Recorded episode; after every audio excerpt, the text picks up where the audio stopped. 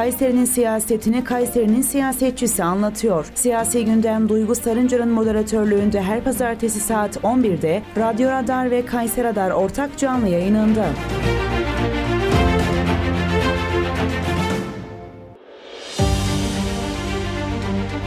Duygu Sarıncar'ın hazırlayıp sunduğu siyasi gündem başlıyor.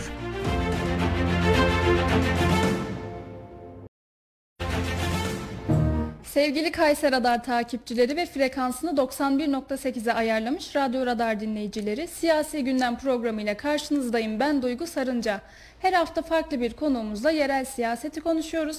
Bu haftaki konuğumuz İyi Parti Kayseri İl Başkanı Tansu Şener. Hoş geldiniz. Hoş bulduk. Sağ olun Duygu Hanım. Nasılsınız? Teşekkür ederim.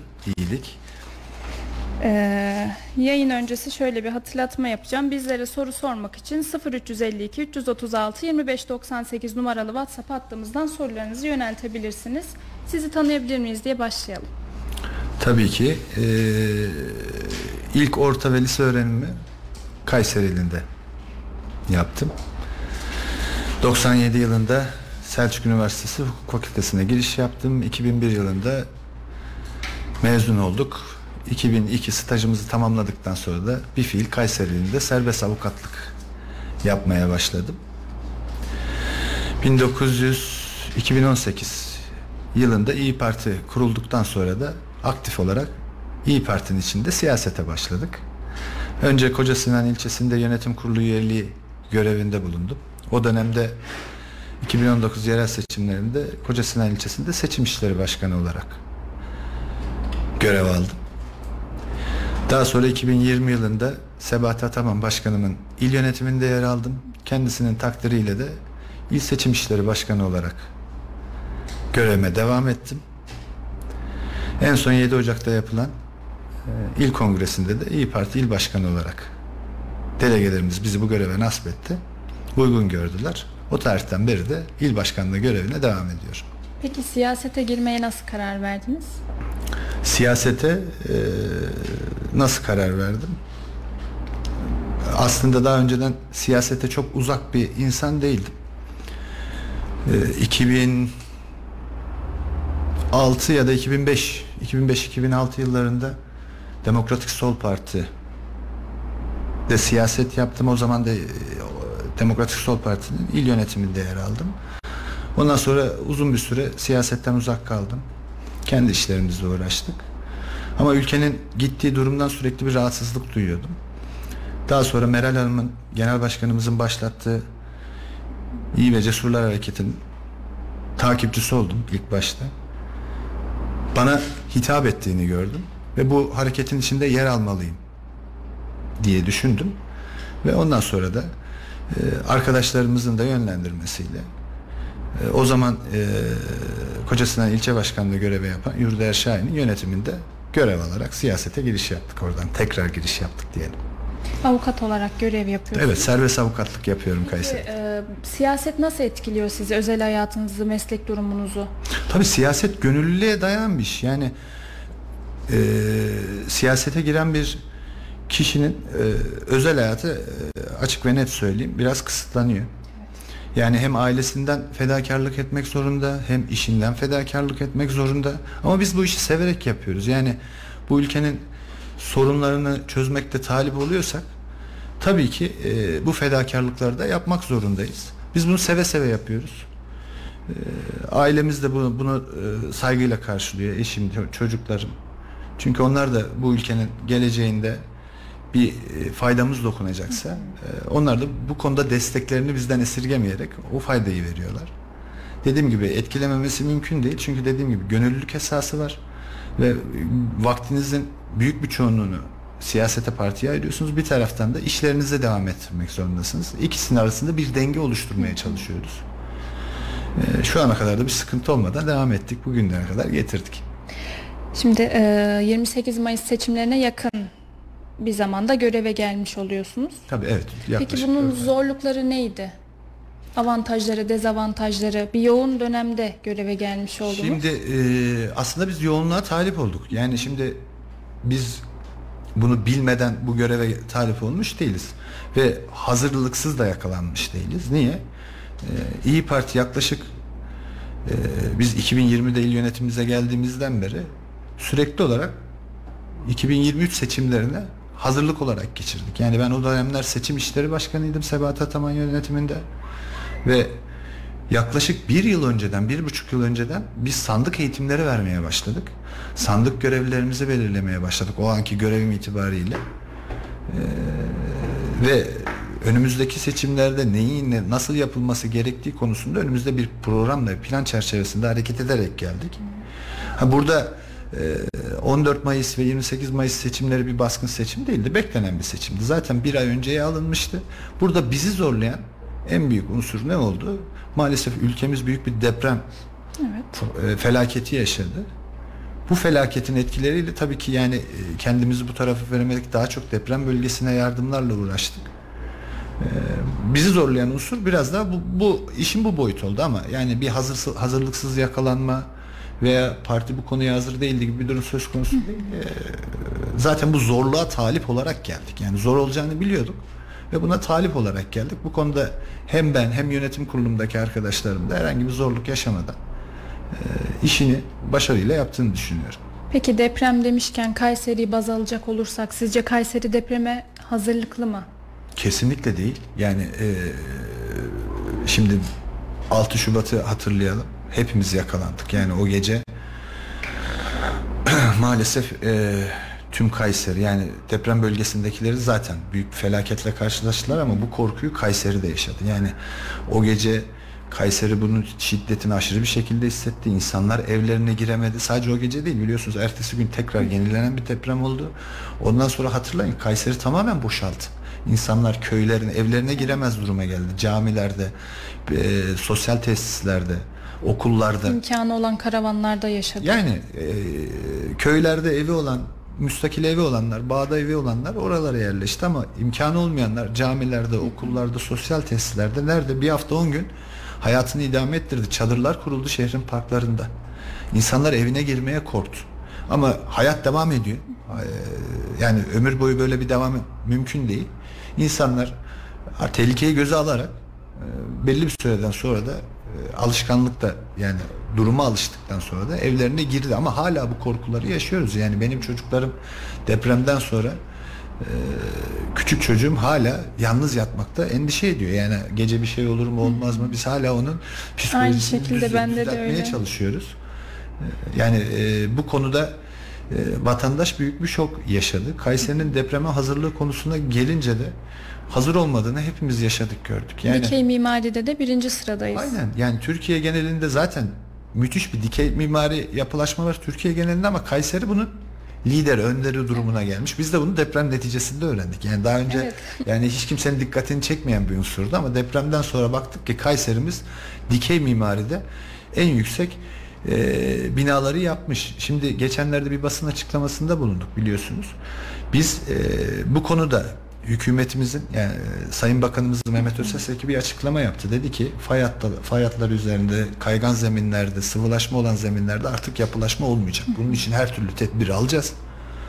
Ve gerekli ceza uygulamaları da uygulayacağız. Ee, biz de bunun üzerine bir açıklama yaptık. Dedik ki bu konuda samimiyseniz biz hem belediye meclisi üyesindeki üyeler, üyelerimizle birlikte sonuna kadar arkanızdayız. Her türlü desteğe vermeye hazırız. Burada önemli olan konu vatandaşımızın sağlığı ve gelecek nesillere sağlıklı bir şehir bırakabilmek. Ama biz bu uygulayan bu sözlerin uygulamaları dönmesini bekliyoruz. Yani çünkü o gün de basın açıklamamızda da belirttiğimiz üzere hala fay hatları üzerinde kaygan zeminler ve sıvılaşma riski olan zeminler üzerinde imar izinleri var. Bunda verilmiş izinler var. Henüz yapılaşma olmamış. Buralardaki e, izinler iptal edilecek mi? Bunun biz takipçisi olacağız İyi Parti olarak. Yani bunu da gündeme de getireceğiz sürekli. Bu ben, ben bu konuya özellikle çok önem veriyorum. Yani dediğim gibi bu deprem geçti bitti bir daha olmayacak demek değil. Yani yaklaşık bir hafta önce Adana'da gene biliyorsunuz evet. bir deprem oldu. Hafif de olsa gene Kayseri'de evet. bunu hissettik. Ee, ve insanlar Hacılar'da da deprem yaşandı. Bunun etkilerini gördük. Yıkıcı bir depremi görmedik. Ama dediğimiz gibi hep çevre illerde oluşan depremin buradaki etkisini gördük. Merkezinin bura olabileceği yüksek şiddetli bir depremde Kayseri'de neler olabileceğini aklımız öngörmüyor yani. Bu yüzden de gerekli tedbirlerin şimdiden alınması lazım. Yani fay hatları üzerinde yapılmış e, binalar varsa bunlarla ilgili güçlendirme çalışmaları yapılmalı şimdiden. Önlemleri alınmalı. Yapılaşmaya imara açılmış ama ya henüz yapılaşmamış alanlarda tekrar bunlar düzenlenmeli ve bu alanlar imar dışına tekrar itilmeli diye düşünüyoruz. E, bu konuda da e, dediğimiz gibi e, şehri yönetenlere gerekli uyarıları yaptık. Yapmaya da devam edeceğiz. Sonuna kadar da bu konunun takipçisiyiz. Deprem ile ilgili talimatları verdiniz mi gibisinden soruları yöneltmiştiniz Evet. Bakan Özaseki'ye. Ee, bakanımız da 15 Temmuz gecesi bir açıklama yaptı. Deprem bölgesinde öyle sağlam evler yapacağız ki kimse deprem sırasında evinden bile çıkmayacak dedi. Çok sevinirim. Yani bu bizim e, inşallah sözler eyleme dönüşür. Bizim niyetimiz de zaten amacımız da. Bizim muhalefetimiz yapıcı bir muhalefet. Bu ülkenin faydasına olabilecek her türlü işleme biz sonuna kadar arkasındayız. Zaten o günkü basın açıklamamızda da dedik. Bu işlerde yapacağınız her adımda fayda fayda sağlayacak her adımda biz desteğimizi sonuna kadar vereceğiz. Halkımızın faydasına ne varsa biz onun arkasında takipçisiyiz ve destekçisiyiz de. Muhalefet partisi olmamız bu gerçeği değiştirmez. İnşallah dediğim gibi Bakan Bey eee, bu söylemler önemli olan eyleme dönüşmesi. Bizim beklediğimiz bu. Eyleme dönüşmesi. Biz de sonuna kadar destekçisiyiz. İnşallah diyelim. Tekrar siyasete dönüyorum. Tabii. Sizce siyasette yenilik olmalı mı? Yeni isimler, yeni yüzler yoksa tecrübe açısından eski isimler mi devam etmeli? Bence eee, bunun bir karması olmalı. Yani mutlaka e, öncelikle yeni isimlere yani genç isimlere siyasete girmek isteyen kişilerin önü mutlaka açılmalı. Siyasette siyaset yapabilecek mecralarda kendilerine yer bulabilmeliler. Ancak sadece gençlerden oluşan bir siyasi yapı da eee, hatalı olur. Çünkü mutlaka tecrübenin de için, işin içinde olması lazım. Yani bunun işin içine hem tecrübeyi koymalıyız, gençlerin de önünü açmalıyız. Yani sürekli olarak aynı isimler üzerinden dönmek yanlıştır. Yani biraz önce dediğiniz gibi hep aynı kişiler, kişiler üzerinden değil. Sürekli aynı kişiler üzerinden değil, yenilerin önünü açmalı ama mutlaka tecrübesinden faydalanacak olan geçmişten siyaset yapan arkadaşların da ya sen artık eskidin demek de doğru değil. Çünkü o kişinin daha verebileceği, siyaseten verebileceği tecrübeleri var. Bundan da faydalanmak gerekir. Yani ikisini bu bir denge terazi gibi düşünün. İkisini de bir dengede tutmamız gerektiği yönde düşünüyorum. Peki böyle bir ayrıca gençlik biriminiz, gençlik faaliyetleriniz oluyor mu? Şimdi değil, tabii ki bizim eee, genel merkez eee, bünyesinde gençlik kollarımız var. Bu gençlik kollarımız zaten il başkanlıklarımıza da bağlı değil. Direkt olarak genel başkanımıza bağlı ve eee, genel başkanımız tarafından atamaları yapılıyor ve bu konuda gençlerle ilgili eee, genel başkanımız en çok gençleri dinleyen eee, siyasetçilerden biri. Yani seçim döneminde de gördük, seçimden önce de buna şahit oldunuz. Hem televizyonlarda bunlarla programlar yapıldı hem kendisinin programlarını takip ediyorsunuz. Sürekli gençlerle iç içe ve onların sorunlarını hem dinliyor hem de çözmek için e, bunları not alıp gerekli ekibine yani arkada background'da bulunan profesyonellerine bu sorunları nasıl çözeriz şeklinde çözüm e, oluşturmaları için bunları sevk ediyor. Yani gençler bizim için çok önemli. Kayseri'de de gençlik ekibimiz var. Ee, ama dediğimiz gibi daha çok genel merkez teşkilatlanması yönünde. Bakın deprem zamanında gençlik ekibimiz kendi başına yani İyi Parti'den bağımsız olarak bir STK gibi yani İyi Parti'de bir STK gibi çalıştı. Bir siyasi parti dışına çıktı. Ama gençlik ekibimiz daha aktif olarak çalıştılar. Hem tüm deprem bölgelerinde arama kurtarma ekiplerine direkt olarak yardımcı oldular. Hem o bölgelerde çadır kurulmasına direkt olarak e, bedeni güç olarak diyorum. Yani zaten çadır kurulmasına destek verdik parti olarak ama gençlerimiz de bu işin arkasında durmadı. Bilgi becerisine göre de e, gidip deprem bölgelerinde görev aldılar, çalıştılar. E, şu anda da. Ee, peki sosyal medyanın gençler üzerindeki etkisi hakkında ne düşünüyorsunuz? Seçimde etkili oldu mu? Siyaset e, gençlerimiz açısından sosyal medya üzerinden yürüyor. Yani e, şu anki gençlik yani Z kuşağı dediğimiz aslında Y kuşağı da onun içine dahil. Tamamen sosyal medya üzerinden siyaset üreten, fikir üreten, eleştiren e, bir yapıya dönüştü. E, sosyal medyaya baktığımız zaman her gün e, bir siyasinin veya bir hükümetin bir eylemine karşı sosyal medyadan olumlu veya olumsuz mutlaka destek veya bunu eleştiren yapıda söylem ve eylemler, eylem demeyelim de söylemler ve yazışmalar mevcut. Şimdi sosyal medya artık ülkemizin ve gençliğimizin bir gerçeği. Yani Twitter kullanıcılara ayrı bir grup, Facebook kullanıcılara evet. ayrı bir grup, Instagram kullanıcıları çok ayrı bir grup. Yani bir e, hepsi farklı farklı Ve kesimlere. de hitap etmek gerekiyor. Aynen öyle. Şimdi şöyle baktığımız zaman Facebook'u daha çok 40 yaş üstü evet. e, grubumuz kullanıyor. E, Instagram'ı daha çok genç, yeni 18 yaşını bitirmiş, yeni girmiş ama 20-40 yaş aramızda Twitter evet. üzerinden. Hı hı e, fikirlerini gündemi takip etmek, aynen öyle yani belirtmek. Belirttiği bir platform burası. Hı. Şimdi yalnız şuna takım e, şey yapmamız lazım yani e, şöyle bir durum var. Sadece Twitter üzerinden siyaset yapmak da doğru değil. Yani biraz önce dediniz ya siyasette gençlerin önü açılmalı. E, kendileri yani sadece gençlerden mi oluşma ya da e, tecrübeli insanlar mı olmalı? İşte gençlerimiz Twitter üzerinden özellikle 20-40 yaşlarımız Twitter üzerinden gayet e, açık bir şekilde fikirlerini beyan edebiliyor.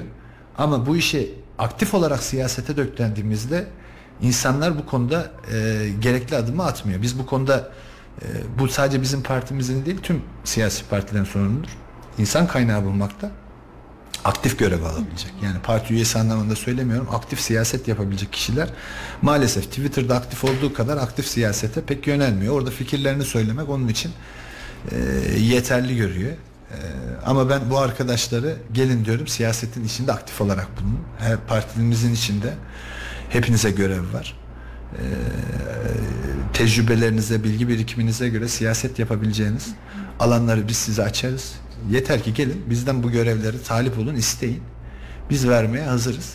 Sadece Twitter üzerinden e, bunlara yapmak da her ne kadar toplumda etkisi oluştursa da bunu dediğim gibi bunu takip etmek, devam ettirmek, devamlılık sağlamak açısından mutlaka aktif siyasetin içinde de yer almaları gerekiyor. Ama bir de şunu e, bu hususa dikkat çekmek isterim. Yani e, sadece siyasi değil maalesef sosyal medya kötü niyetle de kullanıma evet. açık. Hem e, olayın farklı yansıtılması yani gerçek olmayan bir haberin bir tweet atarak insanlar buna inanarak bu konuda size eleştirebiliyor yoğun bir şekilde ama işin gerçeğini de bilmiyor. Yani Twitter üzerinden insanlara hakaret ediliyor. Bu e, maalesef insanlar bu özgürlüğü kendinde buluyor. Halbuki yani e, Twitter size insanlara hakaret etme özgürlüğü sağlayan bir platform değil. Gençlerimizi de bu konuda e, biraz daha dikkatli olmaya çağırıyorum, davet ediyorum. Ee, seçim öncesi ne tür saha çalışmalar yaptınız ve ne gibi tepkiler aldınız? Olumlu, olumsuz. Nelerle karşılaştınız? Seçim öncesi e, epey uzun bir süreç aslında bizim için. Yani biz seçime biraz önce dediğim gibi biz 7 Ocak'ta hı hı. seçilsek de aslında devam eden bir yönetimin yani mevcut önceki yönetimin içinden geldiğimiz evet. için aslında biz 2023 seçimlerine son iki buçuk senedir yoğun bir şekilde çalışıyoruz. Genel başkanımız da öyle. Yani genel başkanımız il, il ilçe ilçe biliyorsunuz miting yapmadan esnaf ziyaretleriyle her hafta iki veya üç ili bizzat kendi giderek sahada bizzat çalıştı. E tabi genel başkanın çalışan sahada olan bir teşkilatın yerel teşkilatlarının çalışmaması mümkün değil. Hı hı. E, hal böyle olunca da biz de sürekli olarak sahadaydık. Sürekli esnaf ziyaretleri, ilçe ziyaretleri, ev ziyaretleri şeklinde yoğun bir çalışmayla geldik. Sonra 7, Ocak, 7, 7 Ocak'ta il yönetimimize seçildik. Deprem faciası felaketimiz geçtikten sonra önümüzde kısa bir süre kalmıştı. Yani aslında bizim propaganda yapacağımız süre daha uzun uzunken maalesef deprem felaketini yaşamamızdan ötürü haklı olarak da biz siyaseti biraz sağdan çektik. Ee, Bazı yasaklar da getirildi, kısıtlamalar Tabii ki oldu. yani e, ne zaman biz tekrar sahaya düştük? Seçim kararı alındı. Aday adaylıkları başvurularımız yapılmaya başlandı. Ondan sonra biz tekrar sahaya indik. Esnaf ziyaretlerimizde e, kadın kollarımızın yoğun çalışmasıyla kadın kollarımız sırf 7 Ocak'tan 14 Mayıs'a kadar diyeyim 28 o aradaki 14 günü saymadan Kayseri'nin de kadın kollarımız bize gelen raporlamayla 86 bin daireye bizzat kapı yani kapı çal gönül al diye bizim bir uygulamamız var. Kadın kollarımız, bayanlarımız 86 bin dairenin kapısını çaldılar. Kayseri merkez ve ilçeler de dahil olmak üzere. Haberli habersiz. Habersiz direkt olarak yani ekipler oluşturularak e, o bölgedeki evlere ziyaret olup Çok sayın ilginç değil mi? Sayın, sayın Genel Başkanımızın selamlarını iletip şikayetlerini dinlemek. Bakın propaganda bile değil. Şikayetler vardı, varsa bir şikayetleri Genel Başkanımıza iletmek maksatlı. 86 bin daireyi gezdik. Kadın kollarımız. Ee, sahada zaten tüm teşkilatlarımız sahadaydı. Esnaf ziyaretlerimizde, STK ziyaretlerimizde yoğun bir şekilde çalıştık. Adaylarımız, keza adaylarımız yoğun bir şekilde gruplar halinde, bireysel olarak da e, yoğun bir şekilde çalışmasını verdiler. E, ve 14 Mayıs'a bu şekilde girdiler. Kapı çalıyor karşınızda bir siyasetçi var. Çok garip bir şey aslında. E, Ama insanların bakın bizim partinin anlayışı dokunmadığımız, temas etmediğimiz kişi bizim değildir. Evet. İnsanları dinlemeden sırf uzaktan eylemlerle, söylemlerle insanlara ulaşmak çok daha zor. Ama birebir Yüz yüze e, temas. yüz yüze temasla insanlar dinlendiğini hissettiği takdirde e, bu önem arz ediyor. O zaman daha çabuk kazanabiliyorsunuz insanlar. İnsanlar da kendinin bir değerli olduğunun farkına varıyor. Bizler vekiliz. Yani vekiliz derken onlar asil te- seçtikleri kimseler, siyasetçiler de onların vekili. Biz onların e, dertlerini, sorunlarını gündeme getirmekle yükümlüyüz. Ama bu yükümlülüğü sırf e, haberler üzerinden değil, direkt onlardan birebir muhatap alarak hareket etmek en doğrusudur diye düşünüyoruz ve bu çalışmamızı yerel seçimde de devam ettireceğiz. İnşallah biz bu sayıyı ikiye katlamayı planlıyoruz yerel seçimde. He, adayımızın katkılarıyla, adaylarımızın katkılarıyla bu 86 bin sayısını çünkü daha uzun bir propaganda süreci olacak bu sefer. Yani deprem gibi kısa bir yani e, depremden dolayı kısaltılmış bir propaganda süreci değil, daha uzun bir propaganda süreci yaşayacağız. Ve bu sayıyı mümkünse ikiye katlayıp insanlarla birebir temas etmeyi planlıyoruz. Peki bu saha çalışmalarında ne gibi olumsuz şeyler yansıyordu size? Talepler nelerdi? En büyük talep ekonomik. işsizlik, mülteci sorunu Suriyelilerin Kayseri yani Kayseri'de Suriyeli varlığı, e, mültecilerin varlığı sadece Suriyeli demeyelim çünkü Suriyelilerle kısıtlamayalım. Mültecilerin çok yoğun bir şekilde olması, işsizlik, ekonomik sorunlar, enflasyon en büyük sorun bu. Yani kurdaki artışlar. Vatandaşların bize en büyük şikayetleri bu yönde geliyordu. Yani e, bunun tabii ki yan e, bunlardan daha bağımsız, bağımsız demeyelim de daha yan etkenleri de işte e, kad- kamuda liyakatın esas alınması, sınavlar e, sadece sınav sonuçlarına göre kamuda yerleştirmelerin olması bu gençlerden daha çok gelen tepkilerdi. E, ama genel olarak vatandaşın ana başlıklar halinde soruyorsanız enflasyon birincisi ki şu anda gündemde ülkemizin hala en büyük sorunu işsizlik, Kayseri yerelinde mülteci sorunu, en büyük dinlediğimiz sıkıntılarımız da e, yani bize vatandaşın şikayet anlamında getirdiği söylemlerdi. Peki çözüm noktasında vaatleriniz neydi? Yani e, birincisi enflasyon için yani e, bilmiyorum ta- partiyi takip ediyor musun? Bizim çok kuvvetli bir ekonomi kadromuz var. Ümit Özdağ'dan Bilge Yılmaz'ına kadar Dur, Dur- Durmuş Yılmaz'ın eski Merkez e, Bankası Başkanımız. E, daha reel politikalar yani sonuçta burası benim aktif alanım değil. Şimdi bunu Bilge Hocam'dan, Ümit Hocam'dan dinlemek çok daha doğru olur ama e, tüm partiler içinde emin olun en güçlü ekonomi kadrosu İyi Parti'de halen de öyle. Biz ekonomik sorunlara gerçekçi ve reel sorunlarla yaklaşılması gerektiğini düşünüyoruz. Bakın seçimden çıktık. Hükümet seçimin seçimde yaptığı harcamaların, uyguladığı para politikasının tüm sonuçlarını maalesef vatandaşımızın üzerine kesti. Biz bunun böyle yapılması hatalı.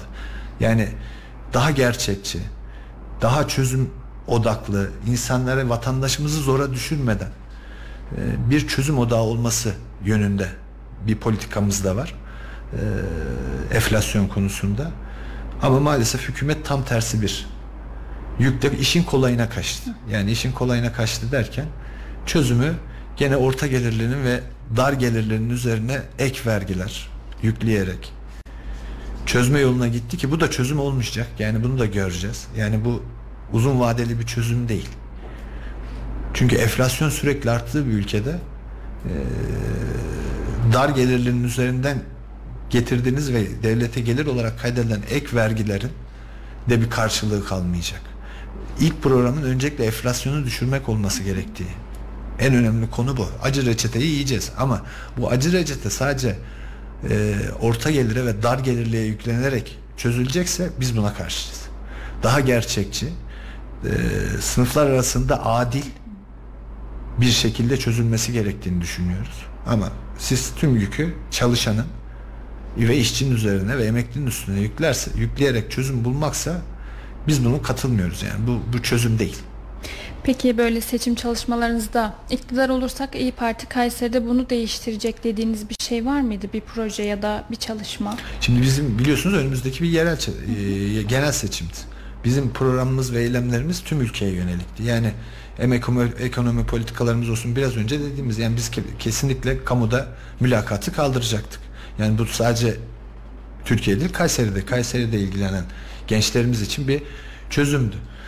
Dediğimiz gibi e, eğitimde bir kere e, şu anki eğitim sisteminde e, zararlı ve yanlış olduğunu düşündüğümüzden eski sisteme bir dönüş şekliyle gene çocuklarımıza yani ilkokuldaki çocuklarımıza yemeğine kadar verilecekti ve tek çift öğretim demeyeyim de tekli öğretime geçilecekti ki maalesef hükümetimiz bu konuda 2010 hatırlıyorum 2019'da Binali Bey mi vermişti 2018'de ya da 2017'de olabilir hatırlamıyorum tarihini 2019'da tüm okullar tekli öğretime geçecek dedi. Herhalde yanlış e, anlaşıldı oldu ki tüm okullar çiftli öğretime geçti. Ee, yanlış bir politikalar yani eğitim politikasında bir düzeltme yapılacaktı. Dış politikalarla tüm dost e, komşularımızla e, barış şeklinde herhangi bir gerginlik olmayacak şekilde yürüteceğimiz ekonomik politikalarımızı e, bu enflasyonist sistemi ortadan kaldırılacak e, ve dış yatırımcıları Türkiye'ye dönmesini sağlayacak en önemli etkenin yani ülkede hukuk ve adaletin e, getirildiği bir sistem. Hak ve adaletin adil olduğu insanlarda ve dış yatırımcılarda bu, bu ülkeye yatırım yaparsam veya gelirsem benim yatırımlarımda herhangi bir sıkıntı yaşamam diye en azından bir rahatsızlığı olduğunda ya da bir sıkıntı yaşadığında e, hukuktan, adaletten endişesi olmayan bir sistem biz vaat ettik. Yerel anlamda baktığımızda ise biz her zaman söylüyoruz. Yani Kayseri yıllardır bakanları çıkarmış, cumhurbaşkanı çıkarmış bu iktidar döneminde ama maalesef üvey evlat mu e, muamelesi görmüş. Yatırımlardan fazla nasibini alamamış. Ben iyi hatırlıyorum. Bu ülke yani bu iktidar geldiği zaman yaklaşık 20 sene önce Kayseri sanayide lider bir şehirdi. Şimdi ise Antep, Denizli, Konya, gibi illerimiz bizi sanayide önümüze geçtiler. Yani bu, bu, bu şehirlerimize yatırımda öncelik verilirken Kayseri dediğim gibi üvey evlat muamelesi gördü. Öncelikle teşvik bölgesine alınmasını sağlayacaktık. Çünkü Kayseri merkez bir bölge. Yine tüm çevre illere otoban bağlandı. Kayseri gene bu konuda üvey kaldı. Yani Niğde'ye otoban bağlandı. Nevşehir'e, Aksaray'a otoban bağlanıyor. Ama ortak tüm doğuya giden illerin de ortak noktası olan Kayseri ama otoban bağlantısı yapılmadı. Yine hızlı tren sorusu Kayseri'ye 14-15 kez iktidar tarafından sözü verildi. Her seferinde temeli atıldı ama hala bir faaliyet, bir icraat yok. Yani e, tüm bunların Kayseri'ye kazanılması lazım. Yani ulaşım ne kadar kolaylaşırsa e, ticaret o kadar hızlanır. Ticaret hızlandıkça da ekonomik anlamda Kayseri refah daha da artar. Yine turizm anlamında Kayseri'nin Erciyes Dağı hükümet ya daha doğrusu yerel yönetimlerimiz oraya yatırımlarını yaptı. Bu daha da geliştirilmelidir. Bir cevhere sahibi turizm anlamında. Bu daha tanıtımı çok daha iyi yapılmalı olduğunu düşünüyorum. Özellikle kayak pahalı bir spor, zengin sporu. Zengin turistlerin buraya yönlendirilmesi sağlanmalı. Neyi talep ettikleri bu insanları? Ee, bir çalışma yapılarak buna yönelik e, pis yapımı ya da ne bileyim oradaki e, bu ulaşımı sağlayan pistler arası ulaşımı sağlayan yapı düzeltilmeli diyorum ya yani e, aslında büyük bir cevhere sahibiz ama değerlendirilmesini e, şu ana kadar faydasını görmedik. Tesisleşmeye başlattılar ama daha yoğun bir tesisleşme olmalı. Orada konaklama sayısı arttırılmalı diye düşünüyorum. Peki Kayseri için yerel seçimleri baz aldığımızda hedefleriniz ne olacak? Yani belediyeleri aldığımızda bunlar bunlar olacak gibi. Belediyeleri aldığımız biraz önce zaten saydım ama yani şimdi öncelikle bizim 16 tane Ya üçü, farklı bir şey varsa. Heh, yani. yani 3'ü merkez toplamda 13'te taşra olmak üzere 16 ilçemiz var. Bu 16 ilçemizde de öncelikle e, yapıya baktığımızda kazanmak için elimizden geleni yapacağız. Yani kazanırız kazanamayız. Güçlü olduğumuz ilçeler var. E, buralara daha yüklenmek değil, biz zayıf olduğumuz ilçeye de yükleneceğiz. Çünkü biz kazanabileceğimize inanan bir partiyiz. Yani bu bu ilçeleri ayıralım, bu ilçeleri ayırmayalım şeklinde değil. 16 ilçemiz var. 16 ilçenin kendine göre de özel e, projeleri var. Şimdi taşralarımıza baktığımız zaman Kayseri çok fazla merkezde e, yerleşme sağlamış bir şehir. Yani nüfusun yüzde 87'si belki yüzde 90'ı merkezde. E, Yüzde onluk kesimi ise taşrada. Bu e, dağılım normal bir dağılım değil. İnsanları tekrar köylerinde, evlerinde yani köylerine döndürmenin yolunu bulmalıyız. Bunun için de taşra ilçelerimizde bir kere istihdam sağlamak zorundayız. Yani maalesef e, tarım ve hayvancılıkta bu ülkeyi yöneten hükümetimizin uyguladığı yanlış bir politikalar e, tarım ve hayvancılık yönünde Kayseri'de önemli bir aşamadayken neredeyse bitme noktasına geldi. Ben şunu hatırlarım çocukluğumda biz köylerimize gittiğimizde her evde en az 2-3 tane büyükbaş olurdu. 8-10 tane küçükbaş zaten tavuklu, kümes hayvanları hepsinde olurdu. Şimdi gidiyoruz. Bırakın büyükbaşı, küçükbaş bile yok. Çoğu evde tavuk bile yok. Yani insanlar e, hayvancılığı bıraktı çünkü maliyetli. Yani tekrar insanları bu buna yönlendirmemiz lazım hayvancılık yönünden. Gideri daha fazla. Tabii ki yani işte diyorum ya maliyetli. Maliyeti olduğu için de insanlar bunu üretimi girmiyor ve ne oluyor? İşte et fiyatları sürekli ithal ete girmek zorunda kalıyoruz ki Türkiye gibi geniş coğrafyası olan bir yerde bu kabul edilebilir bir durum değil. Gerçekçi bir de bir durum değil. Yani sürekli ithal etle sürdürülebilir bir durum değil. Bir an önce hayvancılığın e, ülke genelinde sadece yerelde değil ülke genelinde teşviğe teşvik kapsamına sokularak insanlar bunu yapmaya yönlendirmeli. Yereldeki insanlarımız da bunu yapmaya için teşviğe alınmalı. Yani insanlar tekrar merkezden evlerine rahat rahat dönebilmeli. Orada geçimini sağlayabileceğini düşünmeli. Ki e, normal bir nüfus yapısına, dağılımına kavuşsun diyorum ya. %90'a %10 çok büyük bir yüz ölçüme sahip bir yer ama merkezde %90'a %10. Ha bunun sadece etkileri hayvancılıkla değil. Eğitim politikası. Köyler köy okulları kapatılınca insanlar mecburen çocuklarını okutmak için merkeze yer taşınmak zorunda kaldı. Bu onun bir etkisi. Hayvanlarını bıraktı. İşte hayvancılığı da bırakmasına sebep. Yine genç nesil istihdam olmayınca e, köyde durmuyor. İlçelerde durmuyor. Yine merkeze. Yani bu şekilde bir göç şehre merkeze bir göç değil tam tersi bir göç politikasını uygulamak ve insanları buna teşvik etmemiz lazım. Bakın e, konudan konuya giriyoruz. Bu kadar yoğun bir göç tabii tabii sebebi değil. İşte kira sorun, Kayseri'de artık yaşamak büyük bir dert, ekonomi bir sıkıntı. İnsanlar daha da rahatlayacaktır. Evi var köyde ama insan burada yaşıyor. Niye? Çocuğu burada okula gidecek. Köyde bir geliri yok. Burada en azından bir asgari ücrette genci çalışsın. Bu amaçla buraya geliyor ama o insanlara oralarda istihdam sağlanıp geçimini sağlayabileceğiniz bir şartlar verirseniz inanın bu insanlar burada memnun değil zaten. Eminim köylerine geri dönüş sağlayacaklar. bırakıp gelsin. Tabii ki yani e, oradaki rahatını bırakıp burada kapalı bir alanda bir konutta bir köy kadar bir yani artık binalarımız biraz önce dikey mimari dedik. Yani bir bir dairenin içinde yani binanın içinde 30 ile 40 arası belki bazılarında 50'ye kadar daire var ki nüfusa baktığınızda bir köy nüfusu. Evet. Anlatabiliyor muyum? Yani tekrar insanların o, o yöne bir e, dönüşünü sağlamamız çok önemli diye düşünüyorum. O zaman yerel seçimlerde ittifak durumu yok. İyi Parti tek başına mı? Yo, ittifak olarak sormadınız biraz önce. Ne projeleri sordunuz? İttifak anlamında baktığımızda yani şimdi bizim 2019 seçimlerinde e, Cumhuriyet Halk Partisi ile e, bir ittifakımız oldu. Çok da başarılı oldu. Büyük şehirlerin çoğu alındı. İstanbul, Ankara gibi metropoller bu sayede alındı. Ee, ve 2023 seçimlerinde de Cumhurbaşkanlığı seçiminde de bu ittifak devam etti. Maalesef başarılı olmadı. Ama e, iki seçim yapıldı bu ittifak ve genel başkanımız, genel merkezimizde açıkladığı üzere yani bu bir seçim ittifakıydı Evet. ve e, seçim bitti. Şu anda o ittifak mevcut değil. Ha 2000 24 yerel seçimleri geldiğinde bunu genel merkezler konuşacaktır elbette. Yani tamamen Yani kesinlikle kapılar- kapılar kapalı şeklinde bir e, söylem ve eylem içinde değiliz. Yani genel merkezler bu konuda ko- görüşecektir. İttifaksa ittifak ama değilse de biz tek başımıza te- tüm teşkilatlarımız olarak e, hazırız. E, 16 ilçemizde de yarış, yarışacak adaylarımız var, olacaktır da. E, teşkilat olarak da bunun altından rahatça kalkarız. Peki Meral Akşener'in masadan ilk kalkışı e, seçimi kaybetmeye neden oldu mu? Ben öyle düşünmüyorum. Ee, şimdi bunun süreci sadece bir masadan kalkma anı olarak okumak da bence çok yanlış. Şimdi masadan kalktı e, Meral Hanım. Ee, kalkmadan önceki son bir seneye bir buçuk seneye bakın. Meral Hanım sürekli söylemlerinde eylemlerinde tek bir söylem söyledi. Dedi ki biz herhangi bir aday ben aday değilim. Bunu açık ve net söyledi ki niye aday değilim dedi. Rahatlatmak için yani içeride bir masada bir aday kargaşası, aday kavgası, sen olacaksın ben olacağım kavgası oluşmasın diye Meral Hanım orada zaten bir fedakarlık yaptı.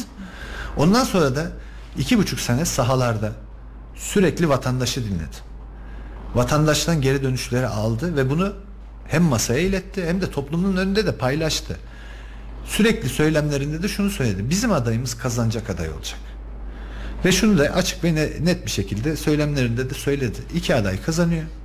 Bunlar da sizin adayınız. Yani bunlar da farklı biz kendi adayımızı söylemedik. İki belediye başkanını söyledi. Bunlar da CHP'liydi. Ama masada öyle bir e, oluşum oldu, karar çıktı. Meral Hanım da oradaki kalkma nedeni Kemal Bey'in adaylığı değil, diğer partilerin Meral Hanım'ın fikrini almadan böyle bir karara varmış olmalarıydı.